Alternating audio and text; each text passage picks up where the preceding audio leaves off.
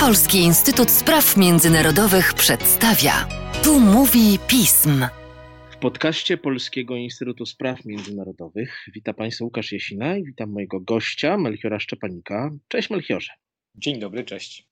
Dawno nie rozmawialiśmy o różnych unijnych sprawach, a to w końcu rzeczy dla Polski niezwykle ważne. W lipcu Rada Europejska, o czym zresztą rozmawialiśmy w naszych podcastach, osiągnęła porozumienie polityczne w sprawie wieloletniego budżetu naszej Unii na lata 2021 i 2007 oraz w kwestiach związanych z Funduszem Odbudowy. Ale porozumienie to ciągle pozbawione jest aktów wykonawczych, odpowiednich aktów prawnych, które umożliwiłyby mu działanie. Belchiorze, co się dzieje? Jaki mamy w Unii Europejskiej kryzys, który powstrzymuje nas przed osiągnięciem porozumienia?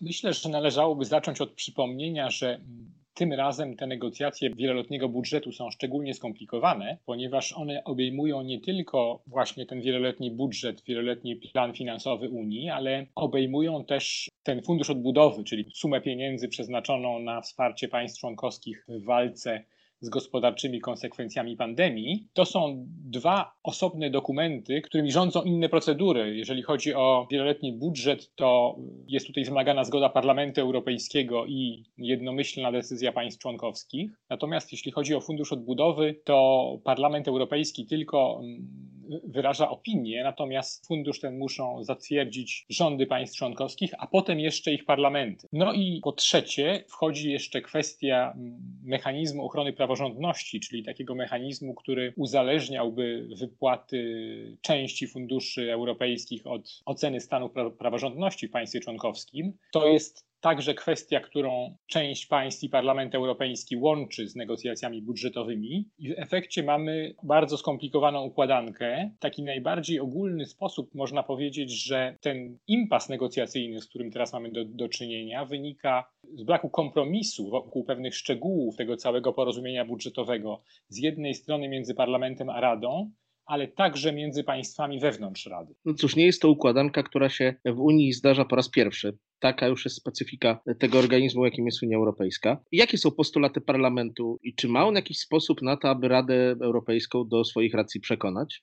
Parlament Europejski chciałby nieco zmodyfikować ten kompromis, który został zawarty w Radzie w lipcu, zarówno jeżeli chodzi o wieloletnie ramy finansowe, jak i jeżeli chodzi o Fundusz Odbudowy i przedstawił zestaw postulatów. Chodzi między innymi o zwiększenie roli parlamentu w zarządzaniu tym Funduszem Odbudowy, czyli w decydowaniu o tym, jak pieniądze mają być wydawane. Parlament chciałby też doprowadzić do przyjęcia nowych źródeł dochodu Unii Europejskiej, czyli prowadzenia nowych podatków, które z kolei miałyby umożliwić spłatę Funduszu Odbudowy który ma pochodzić przecież z pożyczonych pieniędzy. No i parlamentowi zależy także na wprowadzeniu mechanizmu ochrony praworządności, o którym wspomniałem.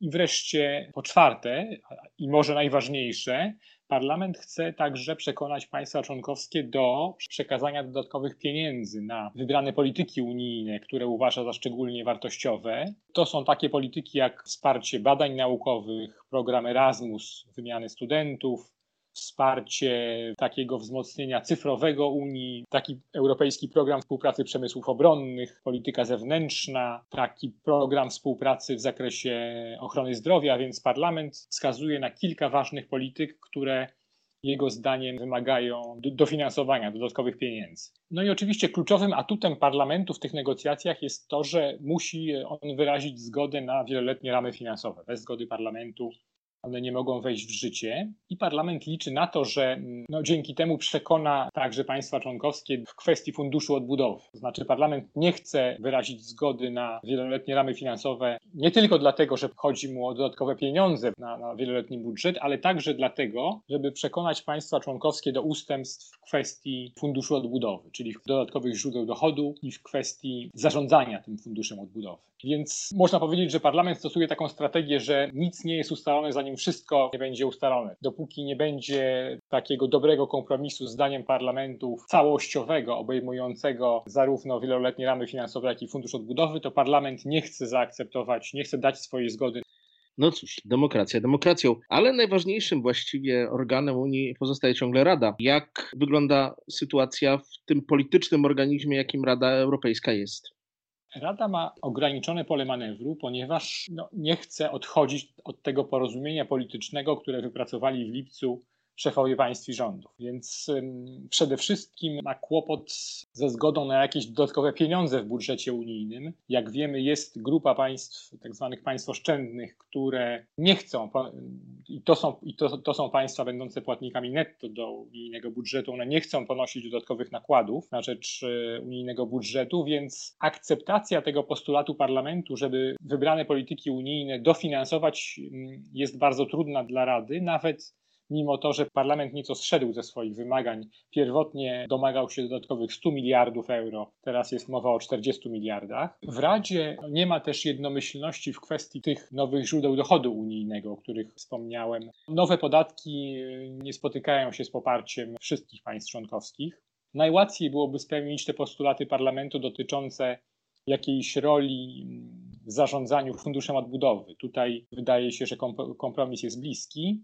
No ale jednak w tych kwestiach finansowych jest wciąż jeszcze daleko od jakiegoś porozumienia. No i wreszcie w Radzie mamy podziały w sprawie mechanizmu ochrony praworządności. Państwa, które uznają taki mechanizm za nie, nieuzasadniony, grożą, że jeżeli on zostanie przyjęty, to one nie wyrażą zgody na powstanie tego funduszu odbudowy, który, jak wspomniałem, wymaga jednomyślnej zgody państw członkowskich, a potem jeszcze musi być zatwierdzony przez ich parlament. Więc te państwa trochę szachują pozostałe i kwestia mechanizmu ochrony praworządności no też jest takim punktem spornym, który uniemożliwia jakiś postęp w negocjacjach. Niemieckie przewodnictwo, które prowadzi te negocjacje, no, naciska na Parlament Europejski, no, trochę oskarża parlament o opóźnianie negocjacji, ale parlament ma też tutaj swoje argumenty. Wskazuje między innymi na to, że bardzo szybko przyjął opinię do aktu prawnego, który umożliwia powstanie Funduszu Odbudowy, natomiast państwa członkowskie nie idą dalej, to znaczy nie podejmują takiej oficjalnej decyzji, która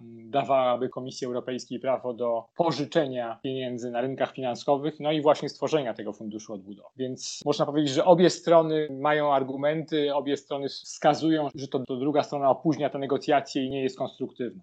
Ciekawa sprawa, ale tak pytając się na koniec o rzecz chyba dla nas wszystkich najważniejszą, czy może funkcjonować bez wieloletniego budżetu, bez wieloletnich ram finansowych? Coś takiego jak ustawa budżetowa, która obowiązuje w państwie takim jak Polska, nawet kiedy nie jest uchwalona, czy też grozi nam chaos?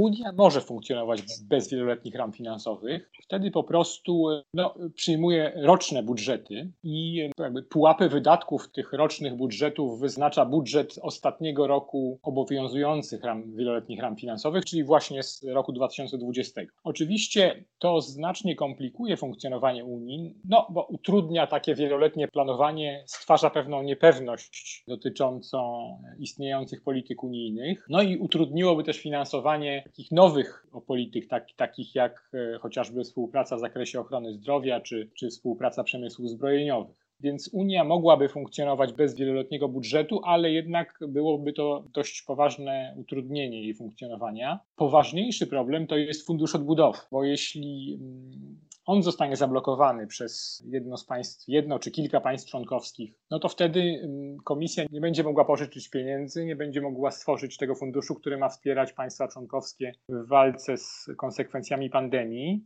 I to byłby poważniejszy problem.